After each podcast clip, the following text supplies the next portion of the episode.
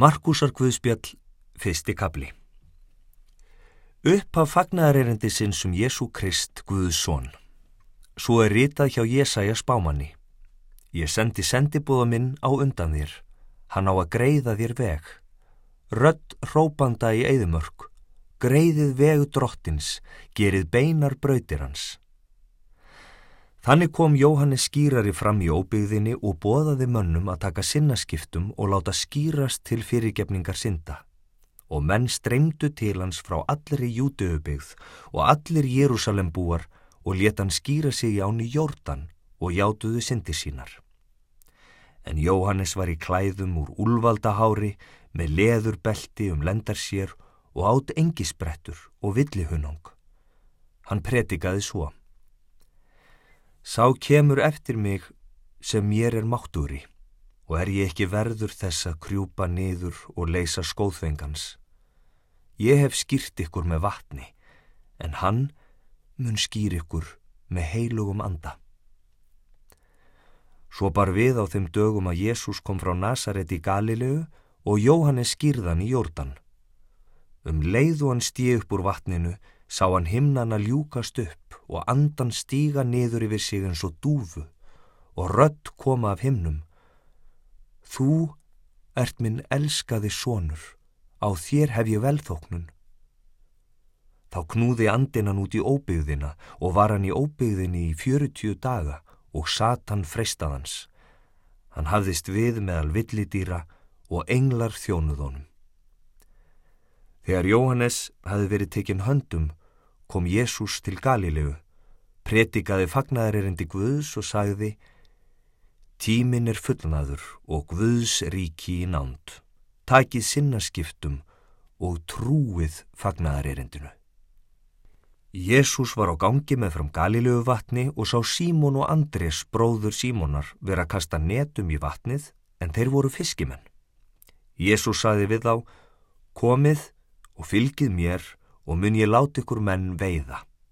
Og þegar í stað letu þeir eftir netin og fylgdónum. Jésús gekk skamt þaðan og sá Jakob Sebedeusson og Jóhannes bróður hans og voru þeir einnig á báti að búa net. Jésús kallaði þá og þeir yfirgáfu Sebedeus föður sinn hjá daglaunamönnunum í bátnum og fylgdónum. Þeir komu til Kapernaum og kvildardaginn gekk Jésús í samkunduna og kendi. Menn urðu mjög snortnir af orðum hans því að hann kendi þeim eins og sáir valdhefur og ekki eins og fræðimennir. Þar var í samkundu þeirra maður haldinn órheinum anda. Hann æfti, hvað vilt þú okkur, Jésús frá Nazaret? Ert þú komin að tortím okkur?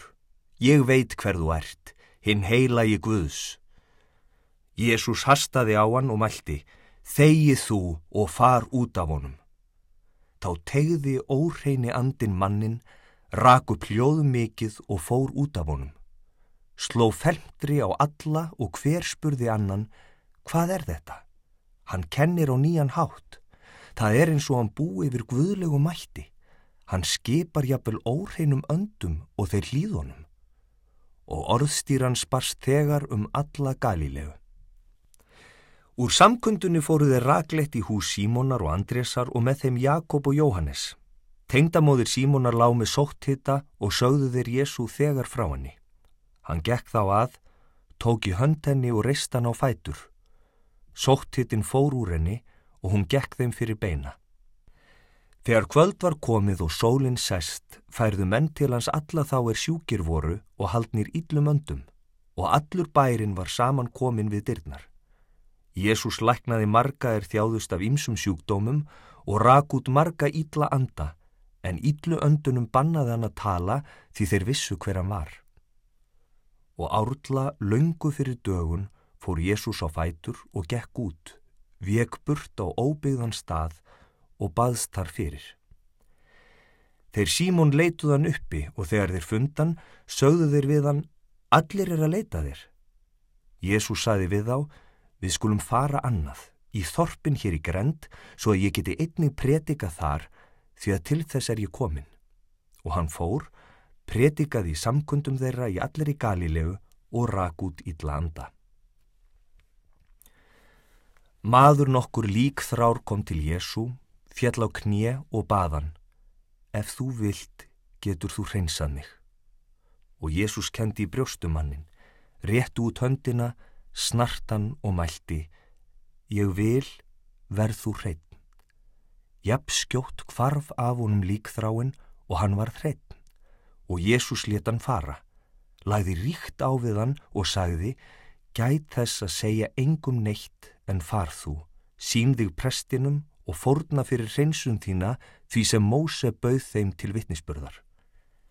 En maðurinn gekk burt og rætti margt um þetta og viðfræði, mjög svo að Jésús gat ekki framar komið ofinberlega í neina borg heldur hafðist við úti á óbyggðum stöðum, en menn komið til hans hvaðanæfa.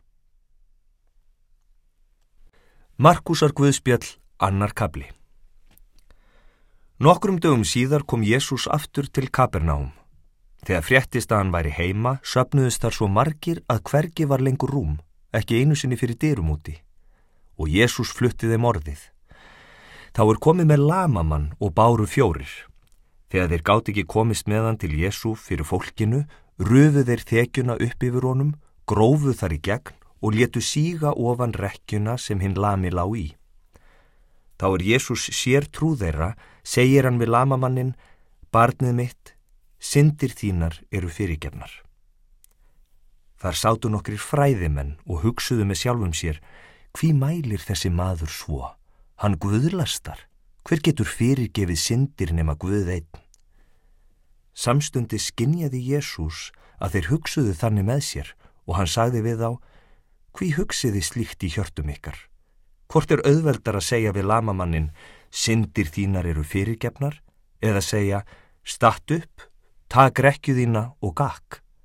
En til þess að þið vitið að mannsónurinn hefur vald til að fyrirgefa syndir á jörðu, þá segi ykkur, og nú talar hann við lamamannin, statt upp, tak rekjuðína og far heim til þín. Maðurinn stóð upp, tók jafnskjóta rekjuna og gekk burt í allara auksín svo að allir voru furðu losnir, lofuðu guð og sögðu, aldrei áður höfum við því líkt séð. Aftur fór Jésús út og gekk með fram vatninu. Allur mannfjöldin kom til hans og hann kendi þeim og er hann gekk þar sá hann Levi Alfeusson sitja hjá tollbúðinni og Jésús segir við hann fylg þú mér og hann stóð upp og fylgd honum. Svo bar við að Jésús sat að borði í húsi hans, margir tollheimtumenn og bersundugir sátu þar með honum og læri sveinum hans en margir fylgd honum. Fræðimenn af flokki farisea sem sáu að hann samneitti tollheimtumönnum og bersundugum sögðu þá við lærisveinans Hann etur með tollheimtumönnum og bersindugum. Jésús heyrði þetta og svaraði þeim, ekki þurfa heilbriði læknis við, heldur þeir sem sjúkir eru. Ég er ekki komin til að kalla réttláta, heldur syndara. Lærisveinar Jóhannessar og farisegar heldur nú förstu. Þá koma menn til Jésu og spyrjan hví fasta lærisveinar Jóhannessar og lærisveinar farisega en þínir lærisveinar fasta ekki. Jésús svaraði þeim, hvort geta brúðkaupsgestir fastað meðan brúðguminn er hjá þeim? Alla þá stund sem brúðguminn er hjá þeim geta þeir ekki fastað, en koma munu þeir dagar er brúðguminn verður frá þeim tekin, þá munu þeir fasta á þeim degi. Engin saumar bót af óþæfðum dúk á gamalt fat því þá rýfur nýja bótin af hinnu gamla og verður að verri rifa og enginn lætur nýtt vín á gamla belgi því þá sprengir vínið belgina og vínið ónýtist og belgirnir. Nýtt vín er látið á nýja belgi. Svo bar við að Jésús fór um sáðlönd á kvildardegi og lærisveinar hans tókuð að týna kornöks á leiðinni. Farisegarnir sögðu þá við hann, lít á, hví gera þeir það sem er ekki leifilegt á kvildardegi? Jésús svaraði þeim, hafið þið aldrei lesið hvað Davíð gerði er honum lág á þegar hann hungraði og mennans. Hann fór inn í Guðs hús þegar Abiatar var aðstiprestur og átt skoðunarbröðin, en þau má engin eta nema prestarnir og gaf líka mönnum sínum. Og Jésús saði við þá, Kvíldardagurinn varð til mannsins vegna og eigi maðurinn vegna kvíldardagsins. Því er mannsónurinn einnig drottin kvíldardagsins. Markusar Guðspjall, þriðji kabli Öðru sinni gekk Jésús í samkunduhús. Þar var maður með vistna hönd og hafðu þeir nánar gætur á Jésú hvort hann læknaðan á kvíldardegi. Þeir hugðust kæran og Jésús segir við mannin með vistnuhöndina Statt upp og kom hér fram. Síðan spyr hann þá Hvort er heldur leifilegt að gera gott eða gera ílt á kvíldardegi? Bjarga lífi eða deyða? En þeir þauðu og Jésús leita á þá með reyðisvip hvern á eftir öðrum, sárryggur yfir harðuð hjarna þeirra og sagði við mannin, réttu fram höndina. Hann rétti fram höndina og hún varð heil. Þá gengur farisegarnir út og tóku þegar með Herodesa sinnum saman ráð sín gegn honum, hvernig þið gætu náð lífi hans. Jésús fór með lærisveinum sínum út af vatninu og fyldi mikill fjöldi úr Galilegu og úr Júteu, frá Jérúsalem, Ídómeu, landinu handan Jórdanar og úr byggðum Týrusar og Sídónar kom til hans fjöldi manna er heyrt höfðu hver mikið hann gerði. Og Jésús bauð lærisveinum sínum að hafa til bát fyrir sig svo að mannfjöldin þrengdi að honum. En marga hafði hann læknað og því þustu að honum allir þeir sem einhver mein höfðu til að snertan og hvenar sem menn sem haldnir voru óhreinum öndum sá hann, fjallu þeir fram fyrir honum og æftu upp. Þú ert sonur Guðs. En Jésús laði ríkt á við þá að þeir gerðu hann eigi kunnan. Síðan fór Jésús til fjalls og kallaði til sín þá er hann sjálfur kaus og þeir komu til hans. Hann skipaði tólf er skildu vera með honum og hann geti sendt út að predika og gefið þeim vald til að rek út ítla anda. Jésús skipaði þá tólf. Símon, er hann gaf nafnið Pétur, Jakob Sebediusson og Jóhannes bróður hans, en þeim gaf hann nafnið Bóanerges sem þýðir þrumusinir, og Andrés, Filipus og Bartolomeus, Matteus og Tómas, Jakob Alfeusson, Taddeus og Símon Vandlætara og Júdas Ískarjót þann er sveikan. Þegar Jésús kemur heim, sapnast þar aftur mannfjöldi svo þeir gátt ekki einu sinni matast. Hans nánustu fréttu það og fóru út og vildu ná honum en það sögðu þeir að hann væri frá sér. Og fræðimennir er komnir voru ofan frá Jérúsalem sögðu Belsebúl er í honum. Með fulltingi höfðingja íllara anda rekur hann út íllu andana. En Jésús kallaði þá til sín og mælti við þá í líkingum. Hvernig getur Satan rekið Satan út? Verði ríki sjálfu sér sundur þygt, fær það ríki eigi staðist. Og verði heimili sjálfu sér sundur þygt, fær það heimili eigi staðist sé nú Satan risin gegn sjálfum sér og orðin sér sundur þykkur, fær hann eigi staðist, þá er útum hann. Engin getur brotist inn í hús hinn sterka og rænt eigumanns nema hann bindi áður hinn sterka, þá getur hann rænt hús hans.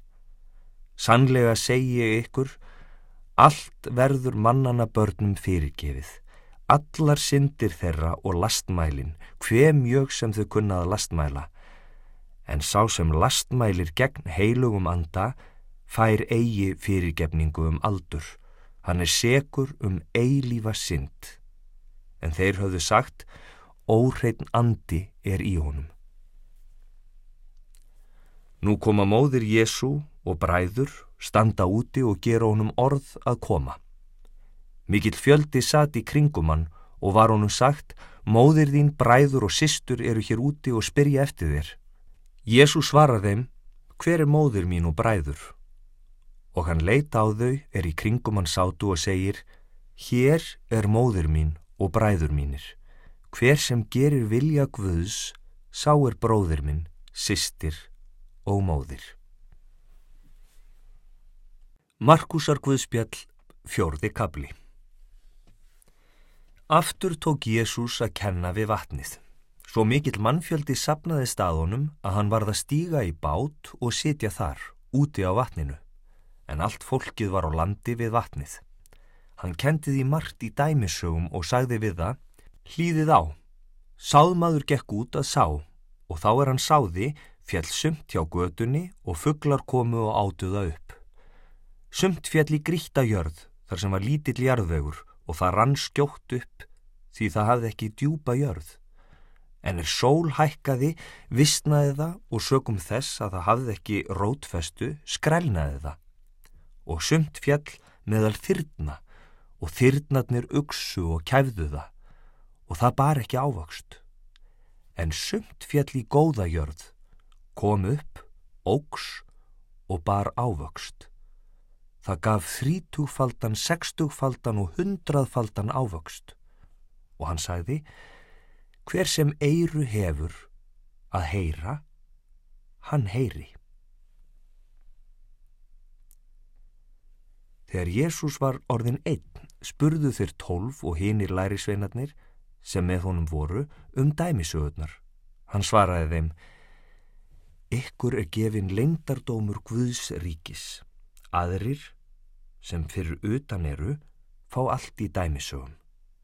Að sjáandi sjáu þeir og skinji ekki, heyrandi heyri þeir og skilji ekki, svo þeir snúi sér eigi og verði fyrirgefið.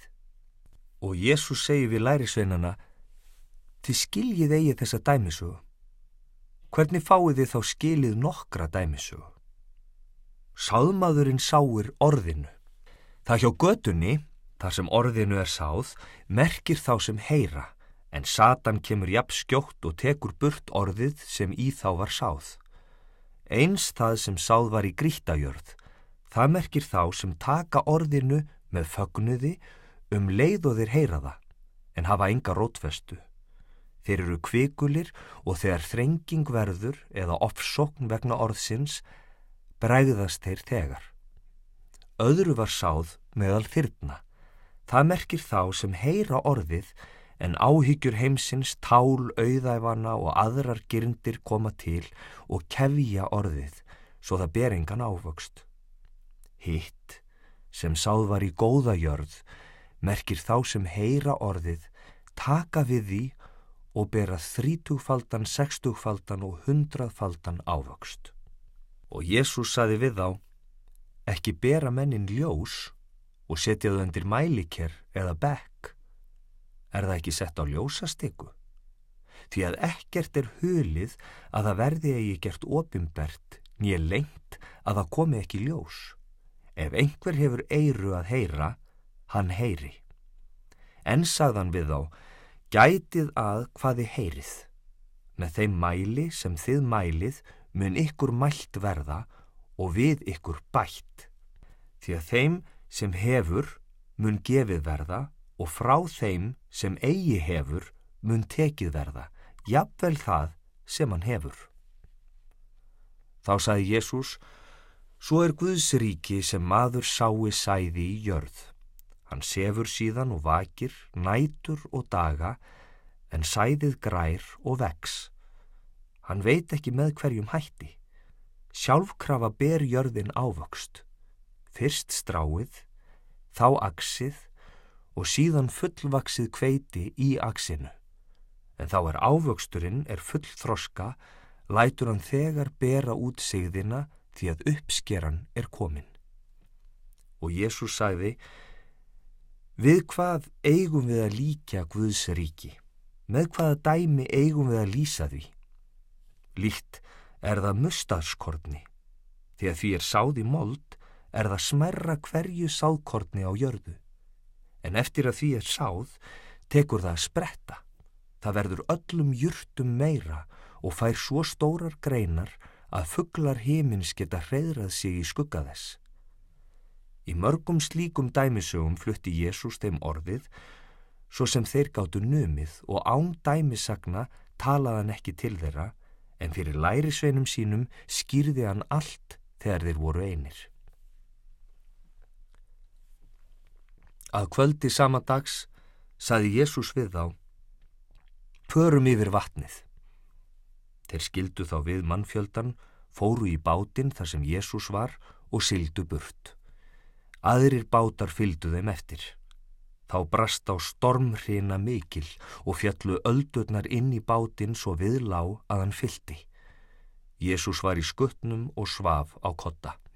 Þeir vöktan og sögðu við hann, meistari, hyrðir þú ekki um að við förumst? Hann vaknaði, hastað á vindin og sagði við vatnið, þegið þú, haf hljóttum þig. Þá lægði vindin og gerði stilli lokn og hann sagði við þá, hví eru þið hrættir? Hafið þið enn enga trú? En þeir urðu miklum óta lostnir og sögðu hver við annan, hver er þessi? Jafnvel vindur og vatn hlýðunum. Markusar Guðspjall, 5. kabli Þeir komu nú yfir um vatnið í byggð Gerasenna og um leið og Jésús stíð úr bátnum kom maður á mótonum frá gröfunum, haldinn óreinum anda. Hann hafðist við í gröfunum og enginn gatt lengur bundiðan, ekki einu sinni með hlekkjum. Oft hafðan verið fjötraður á fótum og höndum en hann braut jafn óðum af sér hlekkina og sleit fjötrana og gatt enginn ráðið við hann. Allar nætur og daga var hann í gröfunum eða á fjöllum, æfti og lamdi sig grjóti. Þegar hann sá Jésu álengdar hljópan og fjall framfyrir honum og æfti hári rödu. Hvað vilt þú mér, Jésús, sonur Guðsins hæsta? Ég byði í Guðsnafni, hvel þú mig eigi. Því að Jésús hafi sagt við hann, þú óhreini andi, far út af manninum. Jésús spurðan þá, hvað heitir þú? Hinn svaraði, Hersing heiti ég, við erum margir og hann bað Jésu ákaft að senda þá ekki brott úr héræðinu.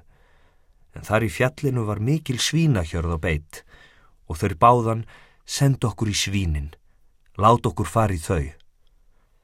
Hann leiði þeim það og fóru þá óhreinu andarnir úr manninum og í svínin. Og hjörðin nær tveim þúsundum ruttist fram að bröttum árbakkanum í vatnið og druknaði þar.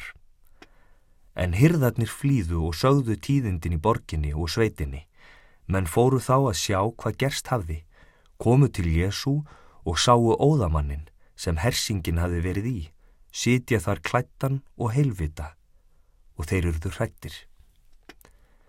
En sjónarvottar sögðu þeim hvað framhæði farið við óðamannin og frá svínunum og þeir tóku að byggja Jésu að fara burt úr hérðum þeirra. Þá er Jésu stið í bátinn, baðsáir læknaður hafi verið að fá að vera með honum. En Jésús lefði honum það eigi, heldur sagði, far heim til þín og þinna og segð þeim hver mikið drottin hefur gert fyrir þig og verið þér miskunnsamur. Hann fór og tók að kungjera í Dekapólís hver mikið Jésús hafi gert fyrir hann og undruðust það allir. Þegar Jésús kom aftur yfirum á bátnum, sapnaði staðunum mikill mannfjöldi þar sem hann var við vatnið. Þar kom og einn af samkundustjórunum, Jaríus að nafni, og er hann sá Jésu fjallan til fótónum, baðan ákaft og sagði, Dóttir mín litla er að dauða komin. Kom og legg hendur yfir hana að hún læknist og lifi.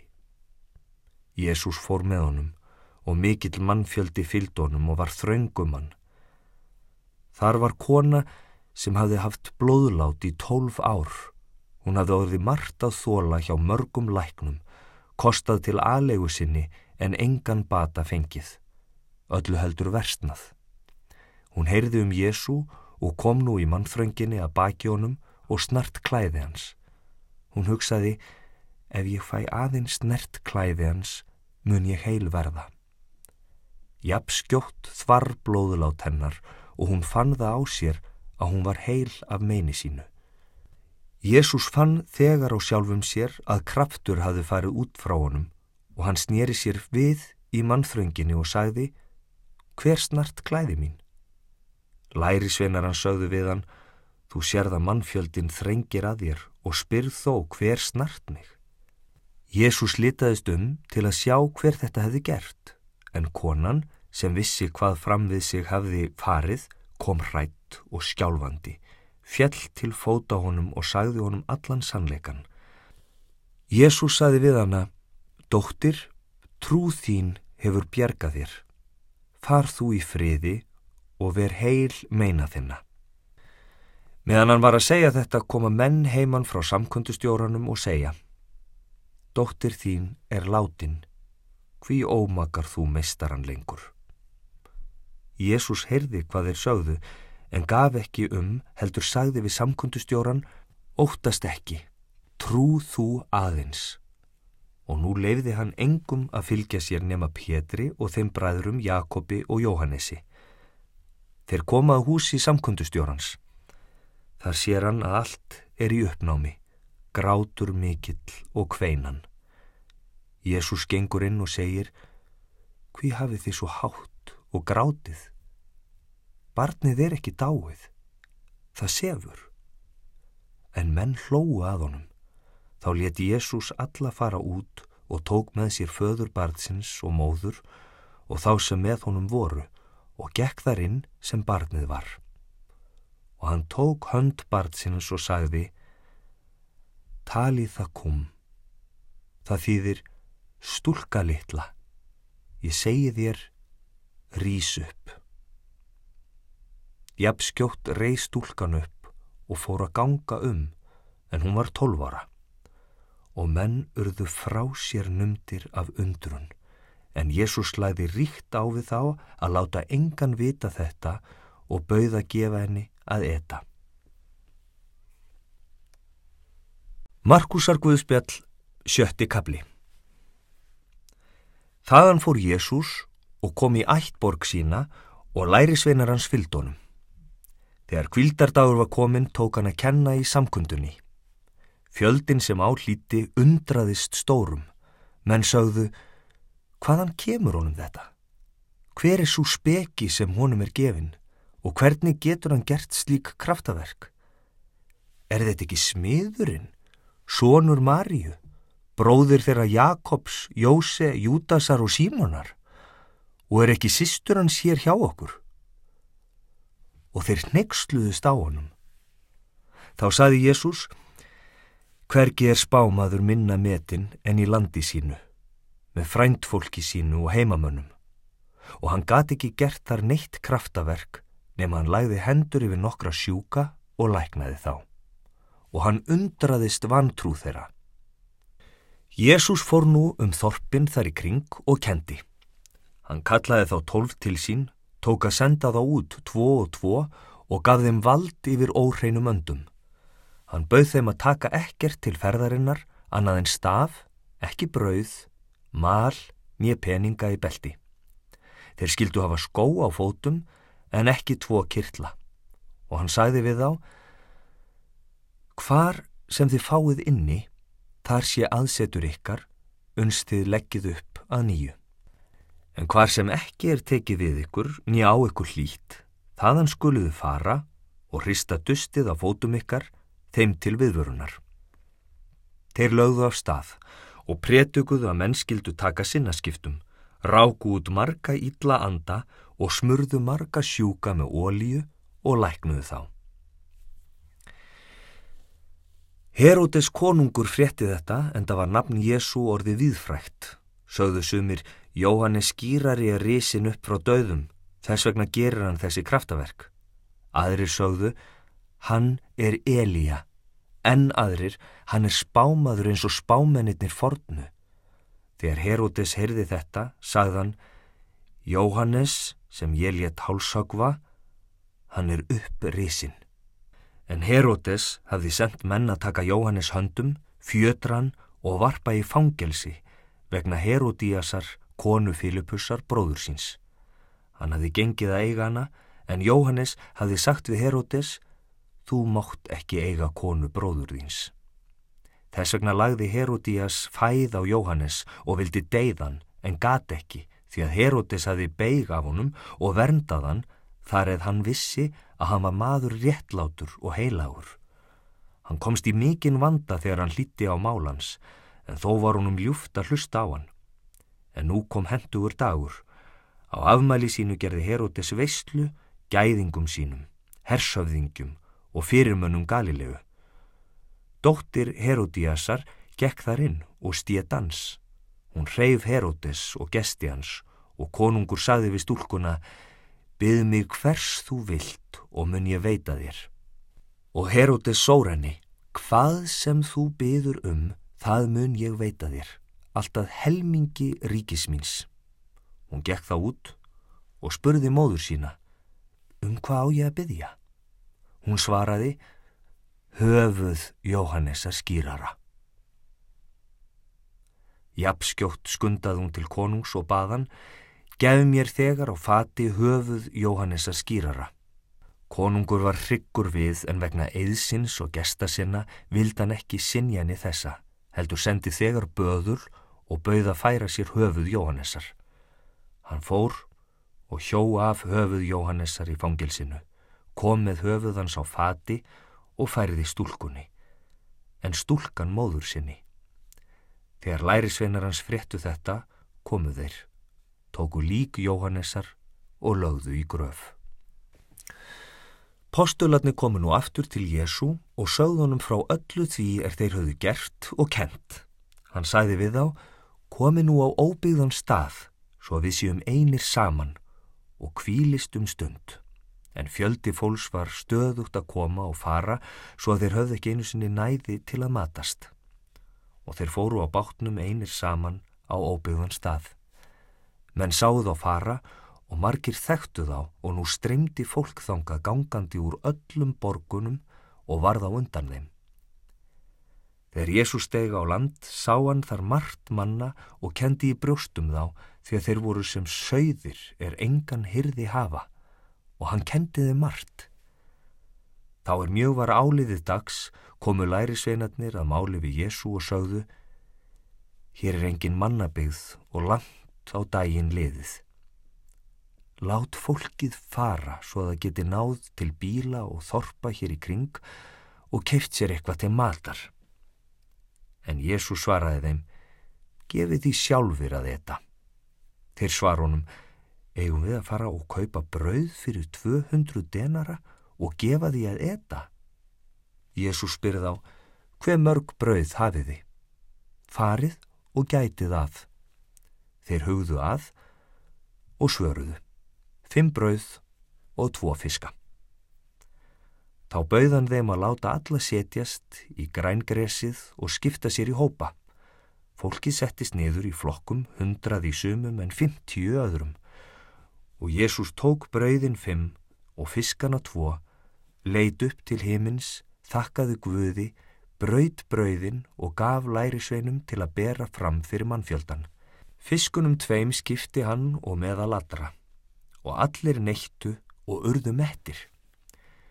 Þeir tóku saman brauðbytana er fylltu tólf korfur, svo og fiskleifarnar, en þeir sem brauðana neittu voru fimm þúsund karlmenn. Tafarlaust knúði Jésús lærisveina sína til að fara í bátinn og halda á undan yfir til Betsætu. Meðan hann sendi fólkið brott. Þá er hann hafið kvartað, fór hann til fjalls að byggjast fyrir. Þegar kvöld var komið var báturinn á miðju vatni en Jésús einn á landi. Hann sá að þeim var þungur róðurinn því að vindur var á mótið þeim og er langt var liðið nætur kemur hann til þeirra gangandi á vatninu og ætlar fram hjá þeim. Þegar þeir sáu Jésu ganga á vatninu, hugðu þeir að þar færi vofa og æftu upp yfir sig, því að allir sáu þeir hann og urðu skeldir. En Jésús mælti jafn skjótt til þeirra, verið hugraustir, það er ég, verið óhrættir, og hann stjegi bátinn til þeirra og lægði þá vindin. Og þeir urðu öldungis agndofa en það höfðu þeir ekki skili það sem gerst hafði með brauðin. Hjörtu þeirra voru blind. Þegar þeir höfðu náð yfirum komu þeirra landi við Genesaret og lögðu þar að. Um leiðu þeir stegu úr bátnum þekktum en Jésu og fólk tók að streyma fram og aftur um allt það hérað og bera sjúklinga í burðarrekkjum hvert þangað sem það heyrði að hann væri. Og hvar sem Jésús kom í þorp, borgir eða bæi, lögðu menn sjúka á torkin og báðu hann að þeir fengju rétt að snerta fald klæða hans og allir þeir sem snertu hann urðu heilir. Markusar Guðspjall, sjöundi kabli Nú sapnast að Jésu farisegar og nokkrir fræðimenn komni frá Jérúsalem. Þeir sáu að sumi lærisveina hans neittu matar með vanhelgum, það er óþvegnum höndum. En farisegar og reyndar gýðingar allir eta ekki nema þeir þvoi hendur sínar og fylgja þannig erðavenju forfæðra sinna. Og ekki neita þeir matar þegar þeir koma frá torki nema þeir hreinsi sig áður.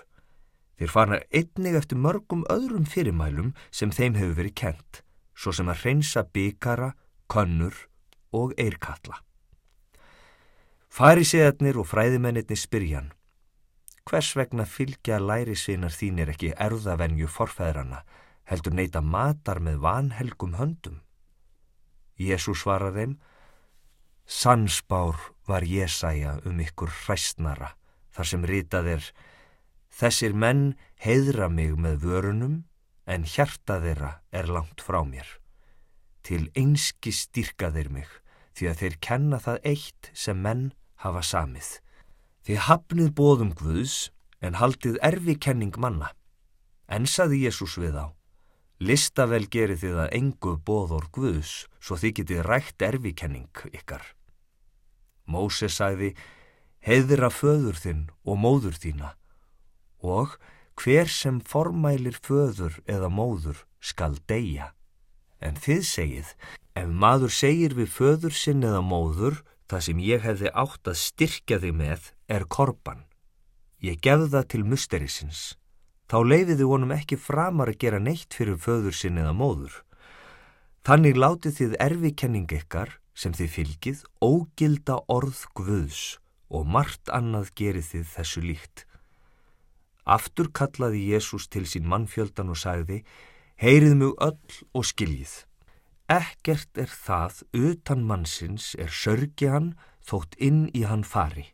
Hitt sörgar mannin sem út frá honum fer. Ef einhver hefur eiru að heyra, hann heyri. Þegar Jésús var komin inn frá fólkinu, spurðu lærisveinar hans hann um líkinguna. Og hann segir við á eru þið einnig svo skilningslausir. Skiljið þið ekki að ekkert sem fer inn í mannin utanfrá getur sörgaðan, því að ekki ferða inn í hjarta hans heldur maga og útsíðan í sapþróna. Þannig lísti hann alla fæðu reyna og hann sæði það sem fer út frá manninum, það sörgar mannin. Því að innanfrá, úr hjarta mannsins koma hinnar yllu hugsanir sörlipnaður, þjófnaður, mandráp, hórdómur, ágirnd, íllmennska, sviksemi, taumleysi, öfund, lastmælgi, hróki, heimska. Allt þetta illa kemur innanað og sörgar mannin. Jésús tók sig upp þaðan og hjælt til byggða týrussar. Þar fór hann inn í hús og vildi engan láta vita en eigi fekk hann döðlist. Kona einn frétti þegar af honum og kom og fjall honum til fóta en dóttir hennar hafði óhreinan anda. Konan var heiðin, ættur úr fönikíu, sírlensku. Hún bað Jésu að reka illa andan út af dóttur sinni. Hann sagði við hana, lofaðu börnunum að seðjast fyrst, ekki sæmir að taka brauð barnana og kasta því fyrir hundana. Hún svaraði honum, satt er það, herra, Þó etta hundarnir undir borðinu af mólum barnana og Jésús saði við hana, vegna þessara orða skaltu heim snúa. Ítli andin er farin úr dótturðinni. Hún fór heim, fann barnið liggjandi á rúminu og ítli andin var farin. Síðan heldi Jésús úr Týrusarbyggðum um Sítón og yfir Dekapólisbyggðir miðjar til Galilöfvats. Þá færa menn til hann stauvan og málhaltan mann og byggja hann að leggja hönd sína yfir hann. Jésús leitti hann afsýðis frá fólkinu, stakk fingrum sínum í eiru honum og vætti tungu hans með munvatni sínu. Þá leita hann upp til himins, andvarpaði og sagði við hann, Effa það, það er, opnist þú. Og eiru hans opnuðust og haft tungu hans losnaði og hann talaði skýrt. Jésús bannaði þeim að segja þetta neinum en svo mjög sem hann bannaði þeim því frekar sögðu þeir frá því. Menn undruðust mjög og sögðu, allt gerir hann vel, daufa lætur hann heyra og mállausa mæla. Markusar Guðspjall, áttundi kabli Um þessar myndir bar enn svo við að mikill mannfjöldi var samankomin og hafði ekkert til matar. Jésús kallar þá til sín lærisveinana og segir við þá, ég kenni brjóstu um mannfjöldan, menn hafa nú verið hjá mér þrjá daga og hafa ekkert til matar. Láti ég þá fara fastandi heim til sín örmagnast er á leiðinni, en sömur þeirra eru langt að. Þá svöruðu lærisveinarnir, Hvar er hægt að fá brauð til að metta þetta fólk hér í óbyggðum? Hann spurði þá, hver mörg brauð hafiði? Þeir sáðu, sjö. Þá bauði Jésús fólkinu að setjast á jörðina, tók brauðin sjö, gerði þakkir og brauð þau og gaf lærisveinum sínum að þeir bæru þau fram, en þeir báru þau fram fyrir fólkið. Þeir höfðu og fá eina smáfiska. Hann bað Guð að blessa þá og bauðað einnig þeir skildu borðnir fram. Menn neittu og urðu mettir. Síðan tóku lærisveinarnir saman leifarnar, sjö körfur. En þar voru um fjögur þúsund manns. Síðan letan fólkið fara og hann stíð þegar í bátinn með lærisveinum sínum og kom í dalmanútabigðir. Þángað komu farisegar og tóka þrátt af í Jésu. Þeir vildu freistans og kröfðu hann um tákn af himni. Hann andvarpaði þungan og mælti, hví heimtar þessi kynnslóð tákn? Sannlega segi ykkur, þessari kynnslóð verður alls ekki gefið tákn. Hann skildi síðan við þá, stíða aftur í bátinn og fór yfirum. Lærisveinarnir höfðu glimt að taka brauð, höfðu ekki nema eitt brauð með sér í bátnum. Jésús ámyndi þá og sagði, gætið ykkar varist súrdeg farisea og súrdeg herodesar, en þeir rættu sín á milli að þeir hefðu ekki brauð. Jésús var þess vís og segir við þá, hvað eru það að tala um að þið hafið ekki brauð? Skinjiði ekki enn nýja skiljið, eru hjörtu ykkar sljó, þið hafið augu, sjáuð þið ekki, þið hafið eiru, heyrið þið ekki, eða munið þið ekki. Þegar ég brauð brauðin fimm, handa fimm þúsundum. Hver margar korfur fullar af brauðbyttum tókuði saman? Þeir svar honum tólf. Eða brauðin sjö, handa fjórum þúsundum. Hver margar korfur fullar af brauðbyttum tókuði þá saman? Þeir svara sjö. Og Jésús saði við þá, skiljið þið ekki enn. Þeir koma nú til Betsætu. Þar færa menn til Jésu blindan mann og byggja hann snertan. Hann tók í hönd hins blinda, leitti hann út úr þorpinu, skirti í augu hans, læði hendur yfir hann og spurði, Sérðu nokkuð? Hann leit upp og mælti, Ég sé menn.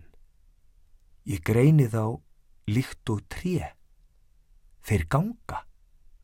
Þá lagði Jésús aftur hendur yfir augu hans og nú sá hann skýrt, varð albata og gatt greint allt. Jésús sendi hann síðan heim til sín og sagði, inn í þorpið máttu ekki fara. Jésús fór nú á samt lærisveinum sínum til þorpana hjá Cesareu Filippi. Á leiðinni spurðan lærisveina sína hvert segja menn mig vera. Þeir svöruð honum, Jóhannes skýrara, aðrir Elíja og aðrir einn af spámanunum. Og hann spurði þá, en þið, hvert segið þið mig vera? Pétur svarað honum, þú ert Kristur. Og hann læði ríkt á við þá að segja engum frá sér. Þá tók Jésús að kenna þeim. Mannsónurinn á margt að líða. Öldungarnir, aðstuprestarnir og fræðimennir munu útskúfa honum. Menn munu lífláta hann en hann mun upprýsa eftir þrjá daga. Þetta saði Jésús berum orðum, en Pétur tók hann á einmæli og fór að átelja hann. Jésús nýri sér við, leiti lærisveina sinna, ávitaði Pétur og sagði Vík frá mér, Satan, eigi hugsar þú um það sem Guðs er, heldur það sem manna er.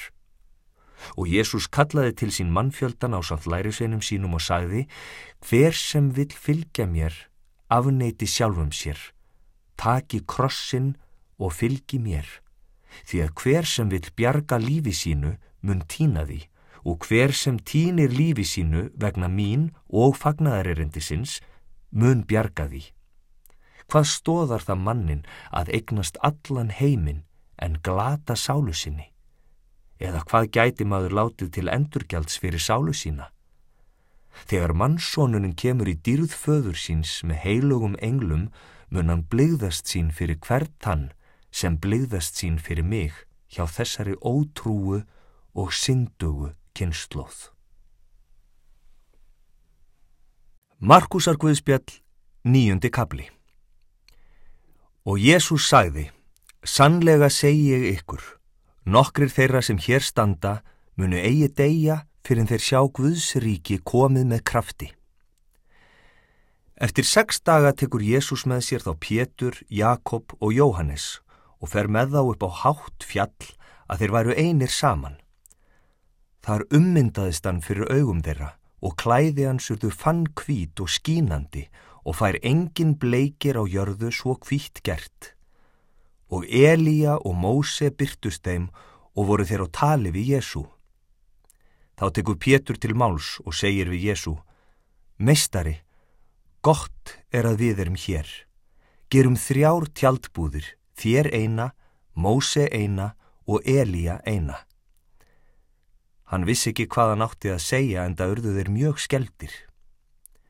Þá kom skí og skigði yfir þá og rött kom úr skíinu. Þessi er minn elskaði sonur, hlýðið á hann og jafnskjótt litu lærisveinarnir í kringum sig og sáu engan framar hjá sér nema Jésu einan. Á leiðinu ofan fjallið bannaði Jésús þeim að segja nokkrum frá því er þeir höfðu séð, fyrir en mannsónurinn væri risin upp frá döðum. Þeir festu orðin í minni og rættu um hvað væri að rýsa upp frá döðum og þeir spurðan, hví segja fræðimennir að Elíja eigi fyrst að koma? Jésús svaraði þeim, víst kemur Elíja fyrst og færir allt í lag. En hvernig er ritaðu um mannsónin? Á hann ekki margt að líða og verða smáður? En ég segi ykkur, Elíja er komin og þeir gerðu honum allt sem þeir vildu eins og ritaðir um hann. Þegar þið komið til lærisveinana sáu þeir mannfjölda mikinn kringum þá og fræðimenn að þrátta við þá. En um leið og fólkið sá hann sló þegar fermdri á menn og þeir hlöpu til og heilsuðu Jésu. Hann spurði þá Um hvað eru þið að þrátta við á? En einn úr mannfjöldanum svarað honum, Mestari, ég færði til þín són minn sem er haldinn yllum anda svo að hann getur ekki talað. Hvar sem andin grýpur hann slengir hann honum flötum og hann fróðufellir, gnistir tönnum og styrnar upp. Ég baði lærisveina þín að reka hann út, en þeir gáttu það ekki. Jésús svarar þeim, þú vantrúa kynnslóð, hversu lengi á ég að vera hjá ykkur? hversu lengi á ég að umber ykkur. Færið hann til mín. Þeir færið hann þá til Jésu en um leið og andin sá hann, tegðan drengin ákaflega, hann fjell til jarðar, veltist um og fróðufeldi. Jésu spurði þá föður hans, hver lengi hefur honum liðið svo? Fæðirinn sagði, frá bernsku og oft hefur ítli andin kastað honum bæði í eld og vatn til að fyrirfara honum en ef þú getur nokkuð þá sjá auðmur á okkur og hjálpa okkur. Jésús saði við hann, ef þú getur, sá getur allt sem trúir. Jafn skjótt hrópaði fadir sveinsins, ég trúi, hjálpa þú vantrú minni. Nú sér Jésús að mannfjöldi þyrpi stað, þá hastar hann á óhreina andan og segir, þú döfdumbi andi, ég býð þér, far út af honum og kom aldrei framar í hann. Þá æfti andin tegðan mjög og fór, en sveitnin varð sem nár, svo að flestir sögðu, hann er dáin. En Jésús tók í höndunum og reist hann upp og hann stóð á fætur. Þegar Jésús var komin inn og orðin einn með lærisveinum sínum, spurðu þeir hann. Hvers vegna gátum við ekki rekið hann út? Jésús mælti, þetta kyn verður eigi út rekið nema með bæn. Þeir heldu nú brott þaðan og fóru um galílegu en Jésús vildi ekki að neitt vissi það því að hann var að kenna lærisveinum sínum. Hann sagði þeim, mannsónurinn verður framseldur í mannahendur og þeir munu lífláta hann, en eftir þrjá daga mun hann rýsa upp. En þeir skildi ekki það sem hann sagði og þorði ekki að spyrja hann. Þeir komu til Kapernaum, þegar þeir voru komnir innspurði Jésús þá, hvað voru þið að ræða á leiðinni? En þeir þögðu. Þeir höfðu verið að ræða það sína á milli á leiðinni hver væri mestur. Hann settist niður, kallaði á þá tólf og sagði við þá hver sem vill vera fremstur sé síðastur allara og þjóttn allara. Og hann tók lítið barn, setti það á meðal þeirra, tók það sér í faðum og sagði við þá hver sem tekur við einu slíku barni í mínu nafni tekur við mér og hver sem tekur við mér tekur ekki aðeins við mér heldur og við þeim er sendi mig. Jóhannes sagði við hann, Mistari, við sáum mann reka út illa anda í þínu nafni og vildum við varna honum þess af því að hann fyldi okkur ekki. Jésús sagði, varnið honum þess ekki, því að enginn gerir kraftaverk í mínu nafni og fer þegar á eftir að tala yllum mig. Sá sem er ekki á mót okkur er með okkur. Sannlega segi ég ykkur að hver sem gefur ykkur byggar vass að drekka vegna þess að þið hafi játast Kristi, hann mun alls ekki missa af launum sínum. Hverjum þeim sem tælir til falls einn af þessum smælingum sem trúa væri betra að vera varpað í hafið með milnusteinum hálsin. Ef hönd þín tælir þið til falls, þá sníðana af. Betra er þér handarvana inn að ganga til lífsins en hafa báðar hendur og fara til helvítis. Í hinn óslökkvandi eld, þar sem ormatnir deyja ekki og eldurinn sloknar ekki. Ef fóturðinn tælir þig til falls, þá sníðan af. Betra er þér hölduminn að ganga til lífsins en hafa báða fætur og verða kastað í helvíti, þar sem ormatnir deyja ekki og eldurinn sloknar ekki. Og ef auga þitt tælir þig til falls, þá rýf það úr Betra er þér einegðum inn að ganga í Guðsríki en hafa bæði augu og verða kastað í helvíti þar sem ormatnir deyja ekki og eldurinn sloknar ekki. Sér hver mun eldi saltast. Saltið er gott en ef saltið missir seltuna með hverju viljiði þá kryttaða. Hafið salt í sjálfum ykkur og haldið frið ykkar á milli. Markusar Guðspjall, tíundi kabli Jésús tók sig upp þaðan og hjælt til byggða Júteu handan jórdanar. Fjöldi fólks sapnast enn til hans og hann kendi því eins og hann var vanur. Farísér komu og spurðu Jésú hvort maður mætti skilja við konu sína. Þeir vildu reynan. Hann svaraði þeim, hvað hefur Móse bóðið ykkur? Þeir sögðu, Móse leiði að rita skilnaðarbref og skilja við hana.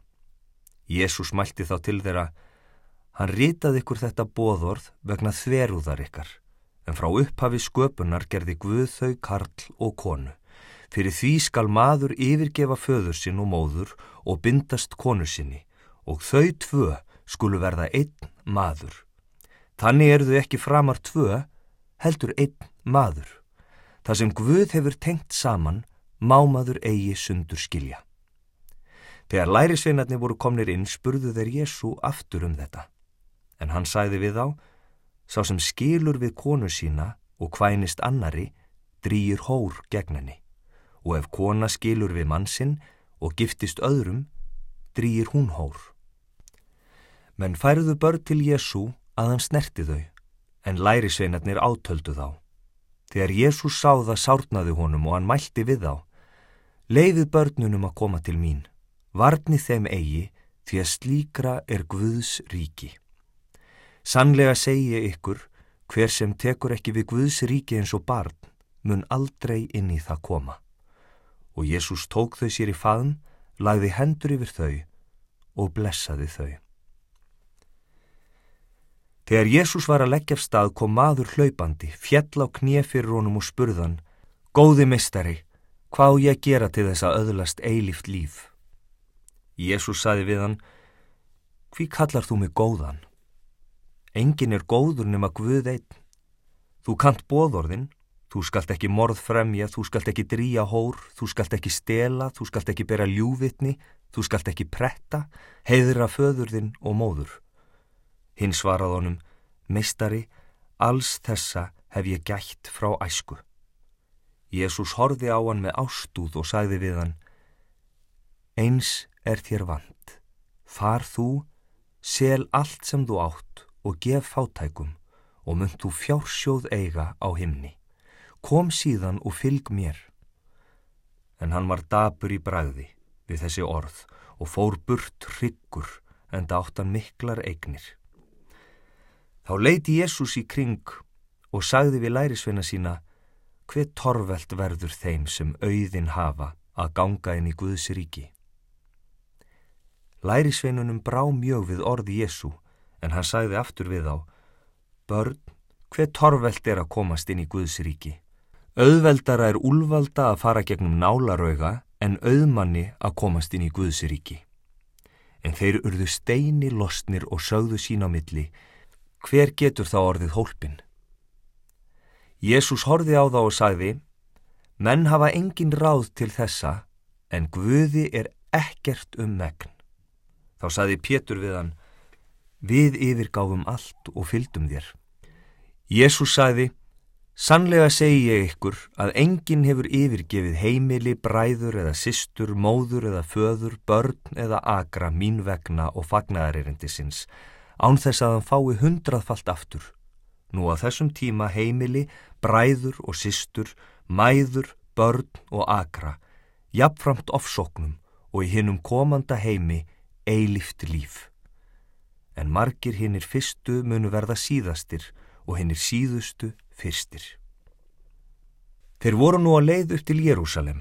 Jésús gekk á undan þeim en þeir voru skeldir og þau sem eftir fyldu voru hrætt og enn tók Jésús til sín þá tólf og fór að segja þeim hvað fram við sig ætti að koma. Nú förum við upp til Jérúsalem. Þar verður mannsónurinn framseldur aðstu prestum og fræðimannum. Þeir munu dæma hann til dauða og framselja hann heiðingjum og þeir munu hæðan, hrækja á hann, húðustríkja og lífláta en eftir þrjá daga mun hann upprýsa. Þá komu til Jésu Jakob og Jóhannes, sínir Sebedeusar, og sögðu við hann, meistari, okkur langar að þú gerir fyrir okkur þar sem við ætlum að byggja þig. Hann spurði þá, hvað viljið þið að ég geri fyrir ykkur? Þeir svöruðu, veit okkur að við fáum að sitja þér við hlið í dýrþinni, annar til hægri handar þér og hinn til vinstri. Jésu saði við þá, þið vitið ekki hvers þið byggjið. Getið þið drukkið þann kaleik sem ég drekk eða skýrst þeirri skýrn sem ég skýrist? Þeir sögðu við hann, það getum við. Jésús mælti, þann kaleik sem ég drekk munu þið drekka og þið munu skýrast þeirri skýrn sem ég skýrist. En ég ræð því ekki hver situr mér til hægri handar eða vinstri. Það veitist þeim sem það er fyrirbúið. Þegar henni tíu heyrðu þetta gramdist þeim við þá Jakob og Jóhannes, en Jésús kallaði þá til sín og mælti, þið vitið að þeir sem teljast ráða fyrir þjóðum, drotna yfir þeim og höfðingjar þeirra láta menn kenna á valdi sínu. En eigi sé svo meðal ykkar heldur sé sá sem mikill vill verða meðal ykkar þjóttn ykkar. Og sá er vill fremstur vera meðal ykkar sé allra þræll, því að mannsónurinn er ekki komin til þess að láta þjóna sér, heldur til að þjóna og gefa lífsitt til lausnargjalds fyrir alla. Þeir komið til Jeríkó og þegar Jésús fór út úr borginni á samt lærisveinum sínum og miklu mannfjölda, satar við veginn Bartimeus, sonur Tímeusar, blindur beiningamaður. Þegar hann heyrði að þar færi Jésús frá Nazaret, tók hann að rópa, Sónur Davíðs, Jésús, miskuna þú mér. Margir höstuðu á hann að hann þegði, en hann rópaði því meir, Sónur Davíðs, miskuna þú mér. Jésús namn staðar og sagði, kallið á hann. Þeir kalla á blindamannin og segja við hann, vertu hughraustur, statt upp, hann kallar á þig. Blindimaðurinn kastaði frá sér yfirhöpsinni, spratt á fætur og kom til Jésú. Jésú spurðan, hvað vilt þú að ég geri fyrir þig? Blindimaðurinn svarað honum, Rabúni, að ég fái aftur sjón. Jésú saði við hann, far þú, trú þín hefur bjargað þér. Japp skjótt fekk hann sjónina og fyldi honum á ferðinni. Markusar Guðspjall, 11. kabli Þegar þeir nálgast í Jérúsalem og koma til Betfake og Betaníu við Óljufjallið, sendir Jésús tvo lærisveina sína og segir við þá, farið í þorpið hér framundan ykkur, um leið og þið komið þanga munið þið finna fóla, bundin, sem enginn hefur enn komið á bak. Leysið hann og komið með hann. Ef einhver spyr ykkur hvers vegna geriði þetta, þá svarið, drottin þarf hans við. Hann sendir hann jafn skjótt aftur hingað. Þeir fóru og fundu fólan bundin við dyr úti á strætinu og leist hann. Nokkri sem stóðu þar sögðu við á hvers vegna eru þið að leysa fólan. Þeir svöruðu eins og Jésús hafi sagt og þeir letu þá fara. Síðan færðu þeir Jésu fólan og lögðu á hann klæði sín en hann settist á bak. Og margir breyttu klæði sín á veginn en aðrir lim sem þeir höfðu skorið af trjánum. Þeir sem á undan fóru og eftirfyldu rópuðu Hósanna, blessaður sé sá sem kemur í nafni drottins, blessað sé hið komandi ríki föður vor stafiðs, Hósanna í hæstum hæðum. Jésús fór inn í Jérúsalem og í helgidómin. Þar leita hann yfir allt en þar sem komið var kvöld fór hann til Betaníu með þeim tólf. Á leiðinni frá Betaníu morgunin eftir kendi Jésús hungurs. Þá sá hann álengdar löfgað fíkjutrija og fór að gá hvort hann fyndi nokkuð á því. En þegar hann kom að því fann hann ekkert nema blöð en það var ekki fíknatíð. Jésús sagði þá við tríð Engin neyti framar ávakstar af þér að eilífu. Þetta heyrðu lærisveinar hans. Þeir komu til Jérúsalem og Jésús gekk í helgidómin og tók að reka út þá sem voru að selja þar og kaupa og hrattum borðum vikslaranna og stólum dúbnasalana og engum leiði hann að bera neitt um helgidómin og hann kendi þeim og sagði er ekki rítað hús mitt á að vera bænahús fyrir allar þjóðir en þið hafi gert það að ræningjabæli. Æðstu prestarnir og fræðimennir heyrðu þetta og leituðu fyrir sér hvernig þeir getur ráðið hann af dögum. Þeim stóð ótti af honum, því að allt fólkið hrifst mjög af kenningum hans. Þegar leiðað kvöldi fóru þeir úr borginni. Árla morguns fóru þeir hjá fíkjutrénu og sáu að það var vistnað frá rótum. Pétur myndist þess sem gerst hafði og segir við hann Meistari, sjáðu, fíkjutréð sem þú formæltir eð vissnað. Jésús svaraði þeim, trúið á Guð.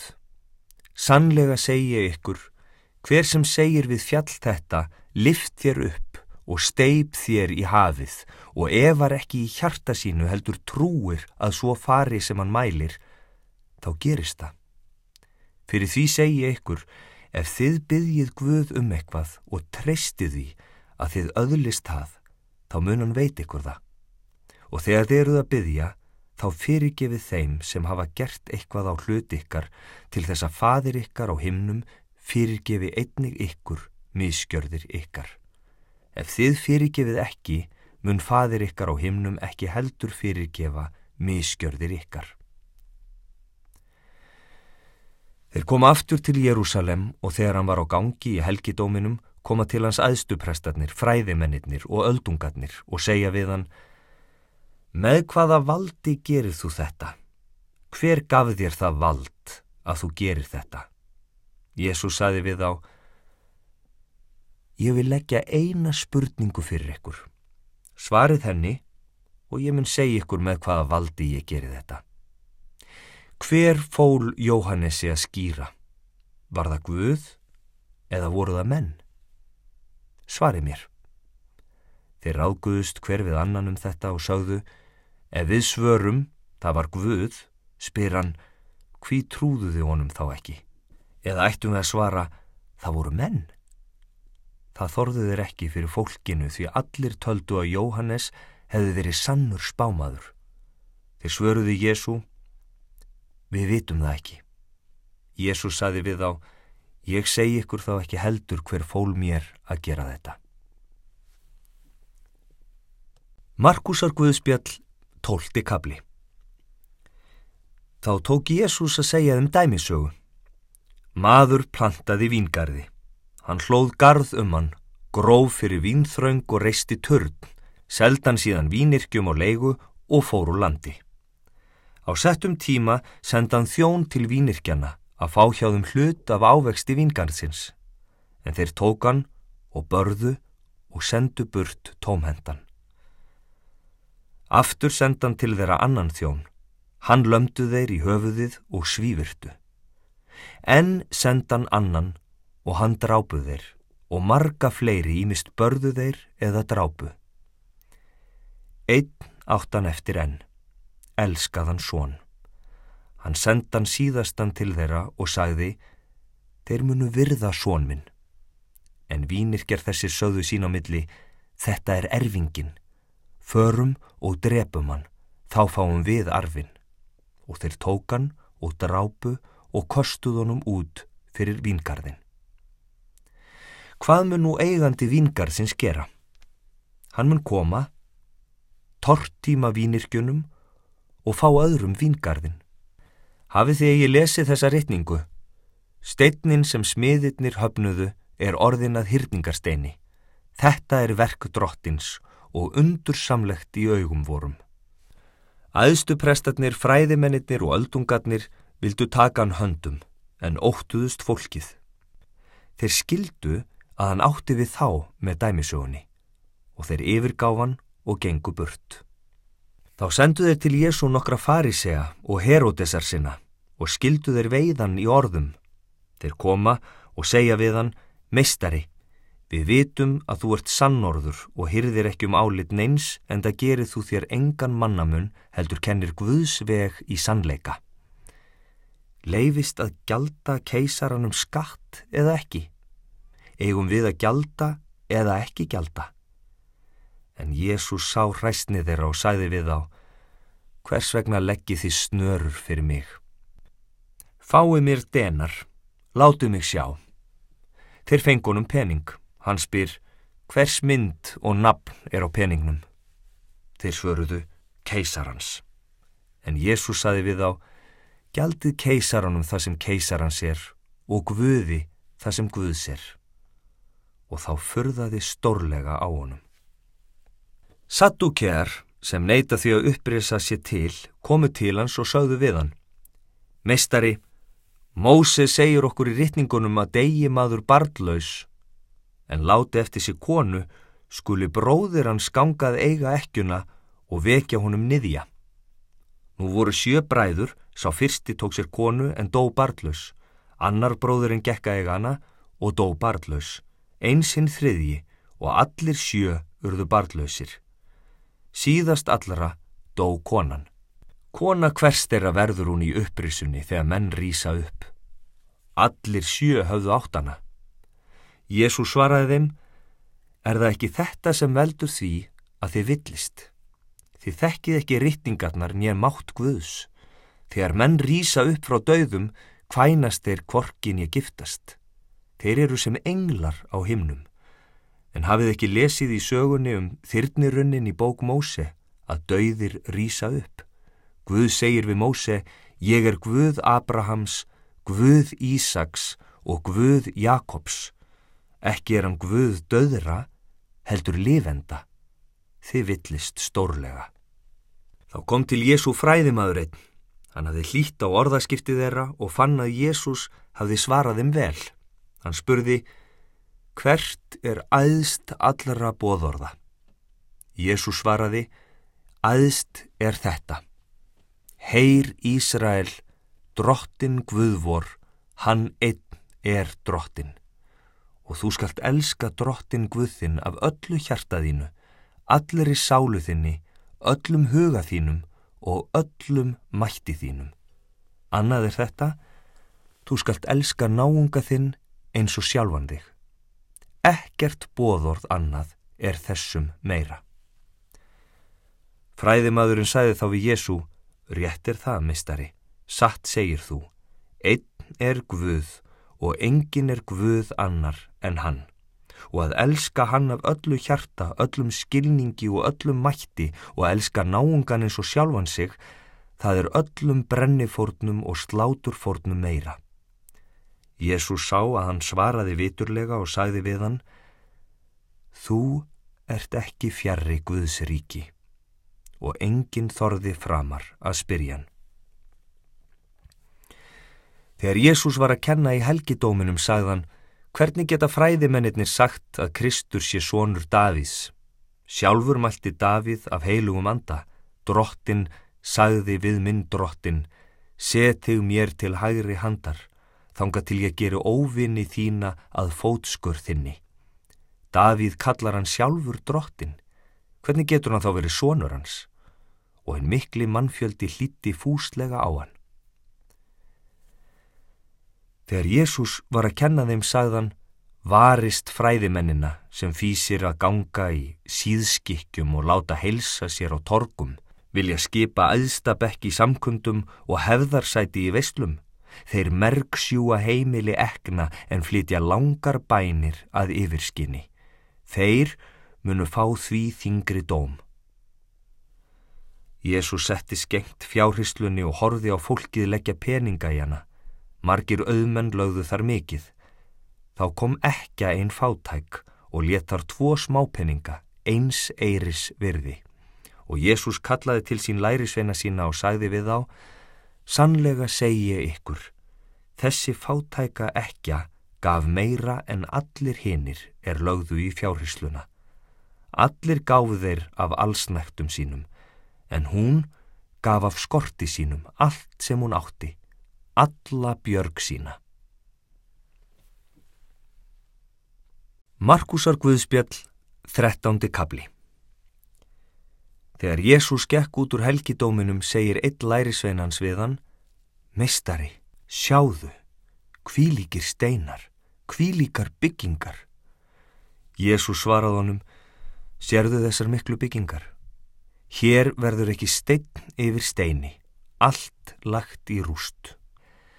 Þá er Jésús satt á oljufjallinu gengt helgidóminum, spurðu hann einstlega þeir Pétur, Jakob, Jóhannes og Andrés, segð þú okkur hvenar verður þetta og hvert mun tákn þess að allt þetta sé að koma fram. En Jésús tók að segja þeim, varist að láta nokkur leiðiður í villu. Margir munu koma í mínu nafni og segja, það er ég og marga munu þeir leiða í villu. En þegar þér spyrjið hernað og ófriðartíðindi, þá skelvist ekki.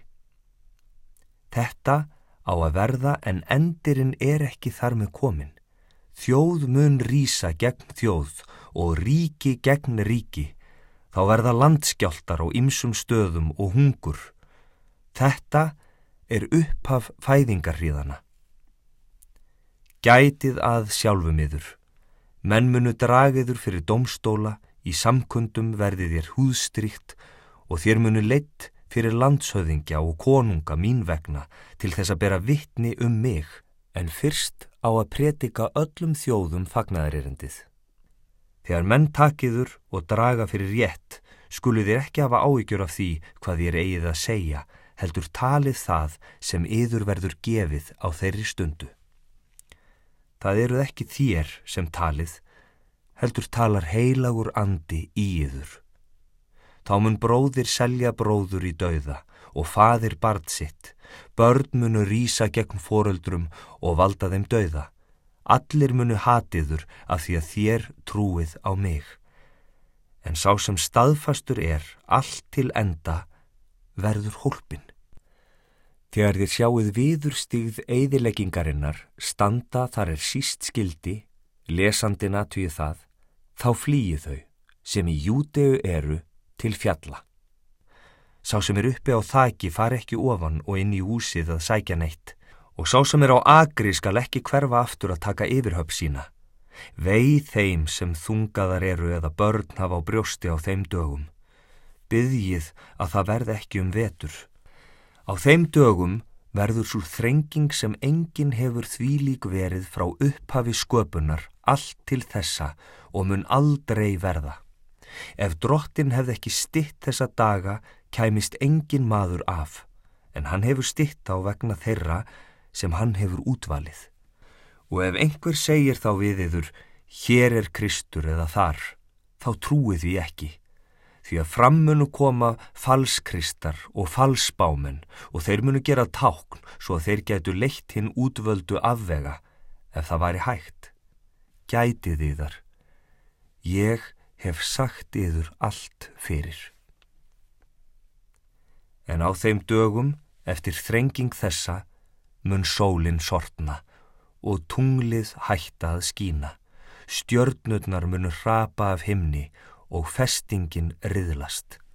Þá munu menn sjá mannsónin koma í skýjum með miklum mætti og dýrð og hann mun senda út englana og sapna sínum útvöldu úr áttunum fjórum frá skautum jarðar til heiminskauta. Nemið líkingu af fíkjutrénu. Þegar greinar þess farað mýkjast og laufið að springa út, þá viti þér að sömar er í nánt. Eins skulu þér vita, þegar þér sáu þetta verða, að endirinn er í nánt, fyrir dyrum. Sannlega segi yður, þessi kynnslóð mun ekki líða undir lok uns allt þetta er komið fram. Heiminn og jörð munu líð undir lok, en orð mín munu aldrei undir lok líða. En þann dag eða stund veit engin, korki englar á himni, nýje sonurinn, engin nema fadirinn. Gætið þið þar, vakið, þér vitið ekki nær tímin er komin. Svo er þetta sem maður fari úr landi, skilji við húsitt og feli þjónum sínum umráðin, hverjum sitt verk, Dýraverðinum býður hann að vaka.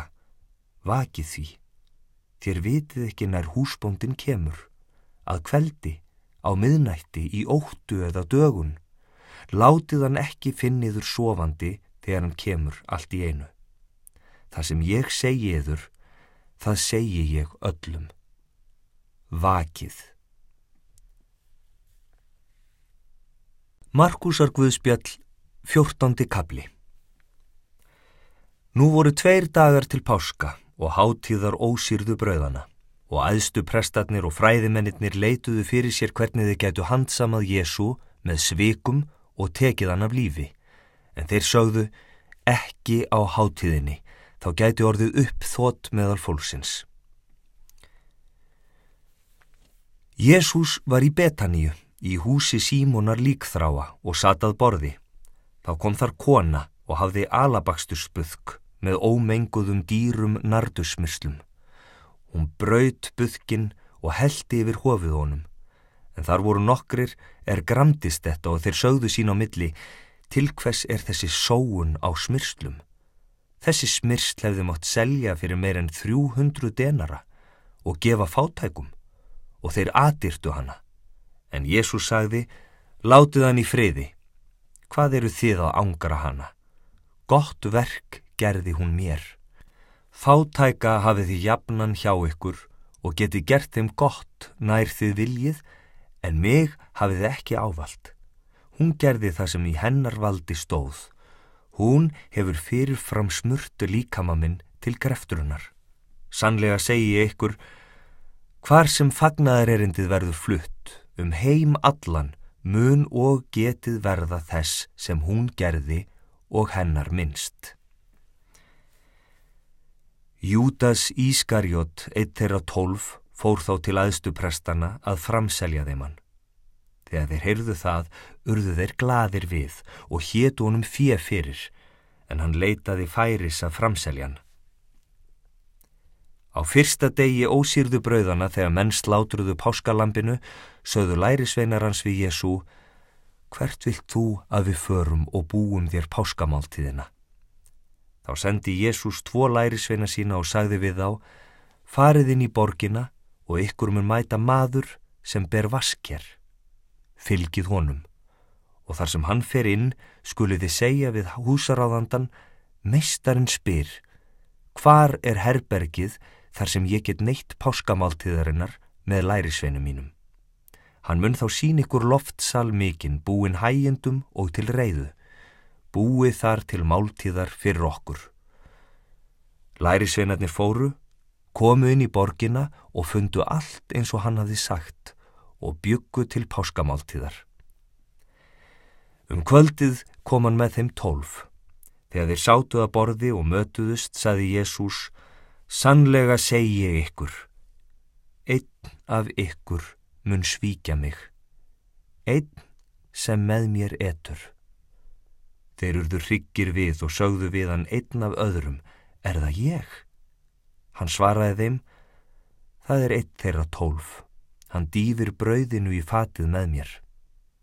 Mannsónurinn fer að sönnu hérðan, svo sem um hann er ritað, en veið þeim manni sem því veldur að mannsónurinn verður framseldur. Betra væri þeim manni að hafa aldrei fæðist.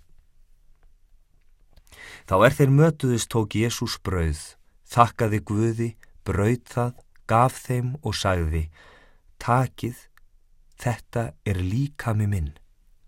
Og Jésús tók kaleik, gerði þakkir og gaf þeim og þeir drukku af honum allir. Og hann sagði við þá, þetta er blóð mitt, blóð sáttmálans, úthelt fyrir marga. Sannlega segi ég ykkur, hérðin í frámun ég eigi drekka af ávexti vínviðarins til þess dags er ég drekka nýjan í Guðs ríki. Þegar þeir höfðu sungið lofsöngin fóruðu til óljufjálsins og Jésús saði við þá, þið munuð allir hafna mér því ritað er, ég mun slá hyrðin og sögðirnir munu tvístrast. En eftir að ég er upprisin mun ég fara á undan ykkur til Galilegu. Þá saði Pétur, þótt allir hafnið ég, geri ég það aldrei. Jésús saði við hann, sannlega segið þér, nú í nótt, áður en hani galar tvísvar, myndu afneita mér þrísvar. En Pétur hvað enn fastar að, þó að ég ætti að deyja með þér, þá mun ég aldrei afneita þér. Eins töluðu þeir allir. Þeir koma til staðarir heitir Getsemani og Jésús segi við lærisveina sína, setist hér meðan ég byðst fyrir. Hann tók með sér þá Pétur, Jakob og Jóhannes og nú setti að honum ókn og ángist. Hann segir við þá, Sál mín er sigg, allt til dauða, býðið hér og vakið. Þá gekk Jésús lítið eitt áfram, fjell til jarðar og bað að þessi stund færi fram hjá sér ef þess væri kostur. Hann sagði, Abba fadir, allt megnar þú, tak þennan kaleg frá mér, þó ekki sem ég vil, heldur sem þú vilt. Jésús kemur aftur og finnur þá sofandi. Þá sagðan við Pétur, Símon, sefur þú? Kast ekki vakað eina stund, vakið og byggjið svo þið fallið ekki freystni. Andin er reyðubúin, en holdið veikt. Aftur veki Jésús brott og baðst fyrir með sömu orðum. Þegar hann kom aftur, fann hann þá enn sofandi því drungi var á augum þeirra. Og ekki vissu þeir hvað þeir ætti að segja við hann. Í þriðja sinn kom hann og sagði við þá, sofið þið enn og kvílist. Nú er nóg. Stundin er komin. Mannsónurinn er framseldur í hendur syndugra manna. Standið upp, förum, sá er í námt, er mig svíkur. Um leið, meðan Jésús var enn að tala, kemur Jútas, eitt þeirra tólf, og með honum flokkur manna frá æðstuprestunum, fræðimönnunum og öldungunum og hafðu þeir sverð og barefli. Svikarinn hafði sagt þeim þetta til margs. Sá sem ég kissi, hann er það. Takið hann höndum og færið brott í tryggri vörslu. Hann kemur, gengur beintað Jésu og segir, Mistari, og kist hann. En hinnir lögðu hendur á hann og tóku hann fastan. Eitt þeirra er hjástóðu, brá sverði, hjó til þjóns aðstaprestins og sneið af honum eirað. Þá saði Jésús við á, eru þið að fara að mér með sverðum og bareflum eins og gegn ræningja til að handtaka mig? Daglega var ég hjá ykkur í helgidóminum og kendi og þið tóku mig ekki höndum, en rittningarnar hljóta að rætast. Þá yfirgáfu allir lærisveinarnir Jésú og flýðu. En maður nokkur ungur fyldist með honum Hann hafði línklæði eitt á berum sér. Þeir vildu taka hann, en hann let eftir línklæðið og flýði nakin. Nú færðu þeir Jésu til aðstaprestins. Þar komu saman allir aðstuprestarnir, öldungarnir og fræðimennir. Pétur fylgdónum álengdar allt inn í garð aðstaprestins. Þar satan hjá þjónunum og vermdi sig við eldin. Æðstu prestarnir og allt ráðið leituðu vittnis gegn Jésu til að geta líflátið hann, en fundu eigi. Margir báru þó ljúvittni gegn honum, en framburði þeirra bar ekki saman. Þá stóðu nokkur upp og báru ljúvittni gegn Jésu og sögðu, við heyrðum hann segja, ég mun brjóta niður musteri þetta, sem með höndum er gert, og reysa annað á þrem dögum sem ekki er með höndum gert. En ekki bar þeim heldur saman um þetta. Þá stóð æstipresturinn upp og spurði Jésu, svarar þú því engu sem þessir vittna gegn þér? En hann þagði og svaraði engu. Enn spurði æstipresturinn hann, ertu Kristur, svonur hins blessaða? Jésu sagði, ég er sá og þið munuð sjá mannsónin sitja til hægri handar hins almáttuga og koma í skýjum heimins. Þá reif aðsti prestunum klæði sín og sagði, hvað þurfum við nú framar votta við? Þið heyrðuð guðlastið, hvað líst ykkur? Og þeir dæmdan allir sekan og dauða verðan. Þá tóku sumir að hrækja á hann. Þeir huldu andlitans, slóan með nefunum og sögðu við hann, þú ert spámaður, hver slóð þig? Eins börðu þjónatnir hann. Pétur var nýr í gardinum. Þar kom ein af þernum aðstaprestsins og sá hvar Pétur var að ordna sér. Hún horfir á hann og segir, þú varst líka með manninum frá Nazaret, þessum Jésu. Því neytaði Pétur og sagði, ekki veit ég henni skil hvað þú ert að fara og hann gekk út í forgarðin, en þá gól hanninn. Þar sá þernanan og fór enn að segja við þá sem hjá stóðu, þessi er einn af þeim en hann neytaði sem áður. Littlu síðar sögðu þeir er hjá stóðu, en við Pétur. Vist ertu einn af þeim, en það ertu galilegu maður. En Pétur sór og sárt við lagði, ég þekk ekki þennan mann sem þið talið um.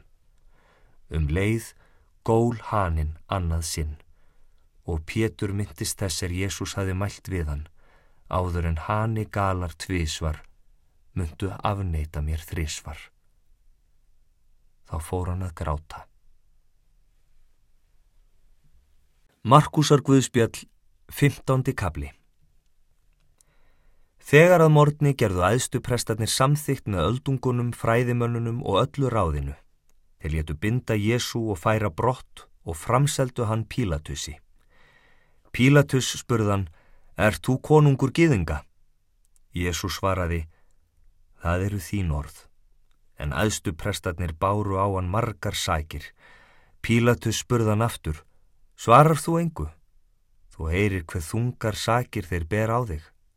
En Jésús svaraði engu framar og undraðist Pílatus það. En á hátíðinni var Pílatus vanur að gefa þeim lausan einn bandingja, þannig þeir báðu um. Maður að nafni Barabas var þá í böndum á samt upplöpsmönnum. Höfðu þeir framið mandráp í upplöpinu. Nú kom mannfjöldin og tók að byggja að Pílatus veitti þeim þið sama og hann væri vanur.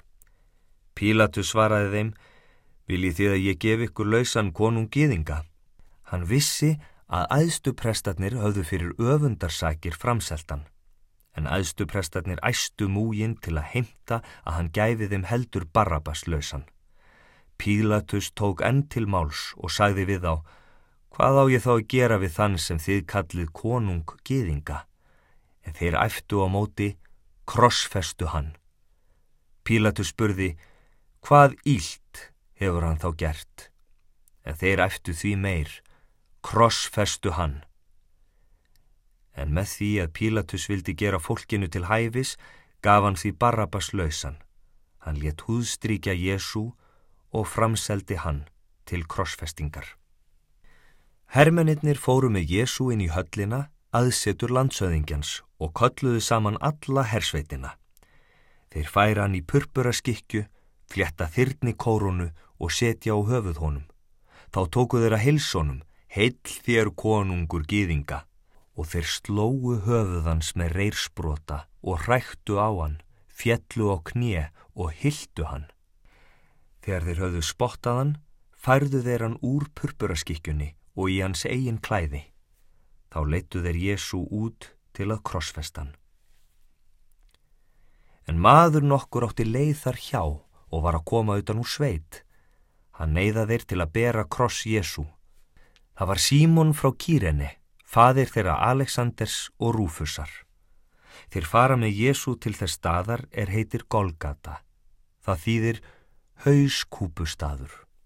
Þeir báru honum vín blandað myrru en hann þáði ekki. Þá krossfestu þeir hann og þeir skiptu með sér klæðum hans og kostuðu hlutum um hvað hver skildi fá. En það var um dagmál er þeir krossfestan og yfirskriftin um sakargift hans var svo skráð. Konungur Gýðinga. Með honum krossfestu þeir tvo ræningja, annan til hægri handarónum en hinn til vinstri. Þá rættist svo rittningar segir, með ílvirkjum var hann talinn. Þeir sem framhjá gengu hættan, skóku höfuð sín og sögðu, svei, þú sem brítur niður musterið og reysir það á þrem dögum, bjarga nú sjálfum þér og stíg niður af krossinum. Eins gerðu æðstuprestarnir gísaðunum og fræðimennir og sögðu hver við annan, öðrum bjargaðan, sjálfum sér getur hann ekki bjargað. Stígi nú Kristur konungur Ísraels niður af krossinum svo að við getum séð og trúað. Einnig smánuðan þeir sem með honum voru krossvestir. Á hádegi var myrkur um allt land til nóns og á nóni kallaði Jésús harri röttu Eloi, Eloi, lama sabachthani. Það þýðir Guðminn, Guðminn, hví hefur þú yfirgefið mig? Nokkri þeirra er hjá stóðu heyrðu þetta og sagðu, heyrið, hann kallar á Elíja. Hljóp þá eitt til, fyllt inn jarðarvött etiki, stakk á reyrstaf og gaf honum að drekka. Hann mælti, látum sjá hvort Elíja kemur að taka hann ofan. En Jésús kallaði hári röttu og gaf upp andan og fortjald musterisins er ripnað í tvent, ofan frá og allt niður úr. Þegar hundraðsöfðingin sem stóð gengt honum sá hann gef upp andan á þennan hátt, sagðan, sannarlega var þessi maður sonur Guðs. Þar voru og konur álengdar og horðu á, meðal þeirra Marja Magdalena, Marja, móðir þeirra Jakobs yngra og Jóse og Salome. Þær höfðu fyllt honum og þjónað er hann var í Galilegu. Þar voru margar aðrar konur sem höfðu farið með honum upp til Jérúsalem. Nú var komið kvöld. Þá var aðfangadagur. Það er dagurinn fyrir kvildardag. Þá kom Jósef frá Arimatheu, göfugur ráðsherra, er sjálfur vænti Guðsríkis. Hann árætti að fara inn til Pílatussar og byggja hann um líkama Jésu. Pílatus furðaði á að hann skildi þegar vera andaður. Hann kallaði til sín hundraðsöðingjan og spurði hvort hann væri þegar látin og er hann var þess vís hjá hundraðsöðingjanum gaf hann Jósef líkið. En hann kefti línklæði, tók hann ofan, sveipað hann línklæðinu og lagði í gröf, högna í klett og velti steini fyrir gravarmunnan. Marja Magdalena og Marja móður Jóse sáu hvar hann var lagður. Markusar Guðspjall, 16. kabli Þá er kvildardagurinn var liðin keftu þær Marja Magdalena, Marja móðir Jakobs og Salome ilmsmyrsl til að fara á smyrjan og mjög árla hinn fyrsta dag vikunar um sólaruppbrás koma þær að gröfinni. Þar sögðu sín á milli hver mun velta fyrir okkur steininum frá gravarmununum. En þegar það líta upp sjá þær að steininum hafði verið velt frá en hann var mjög stór. Þar stíga inn í gröfina og sjá ungan mann sitja hægra megin, klættan kvítri skikju og þær skeldust, en hann sagði við þær, skelvist eigi, þér leitið að Jésu frá Nazaret, hinn um krossvesta. Hann er upprísin, hann er ekki hér. Sjáu þarna staðinn þar sem þeir lögðan, en farið og segið lærisveinum hans og Pétri, hann fer á undaniður til Galílegu. Þar muni þér sjá hann eins og hann sagðiður. Þær fóru út og flýðu frá gröfinni því ótti og ofbóð var yfir þær komið. Þær sögðu engum frá neinu því þær voru hrættar. Þegar Jésús var upprisinn árla hinn fyrsta dag vikunar byrtist hann fyrst Marju Magdalenu en út af henni hafði hann rekið sjö illa anda. Hún fór og kunngerði þetta þeim er með honum höfðu verið og hörmuðu nú og grétu. Þá er þeir heyrðu að Jésús væri lifandi og hún hefði séðan, trúðu þeir ekki. Eftir þetta byrtist Jésús í annari mynd, tveimur þeirra þar sem þeir voru á göngu á leið út í sveit. Þeir snýru við og kunngjörðu hinnum en þeir trúðu þeim ekki heldur. Setna byrtist Jésús þeim ellefu þegar þeir sátu til borðs og ávitaði þá fyrir vantrú þeirra og þverúð hjartans, að þeir hefði ekki trúa þeim er sáan upp risin. Jésús saði við þá, farið út um allan heim og pretikið fagnaðarerindið öllu mannkynni. Sá sem trúir og skýrist mun hólpin verða, en sá sem trúir ekki mun dæmdur verða, en þessi tákn munu fylgja þeim er trúa. Í mínu nafni munu þeir reka út ítla anda, tala nýjum tungum, taka upp höggorma og þó að þeir drekki eitthvað bannvænt mun þeim ekki verða meint af. Yfir sjúka munu þeir leggja hendur og þeir verða heilir. Þegar nú drottin Jésús hafi talað við þá, var hann uppnuminn til himins og settist til hægri handar Guði. Þeir fóru og pretikuðu kvarvetna og drottin var í verki með þeim og staðfesti bóðun þeirra með táknum sem henni fyldu.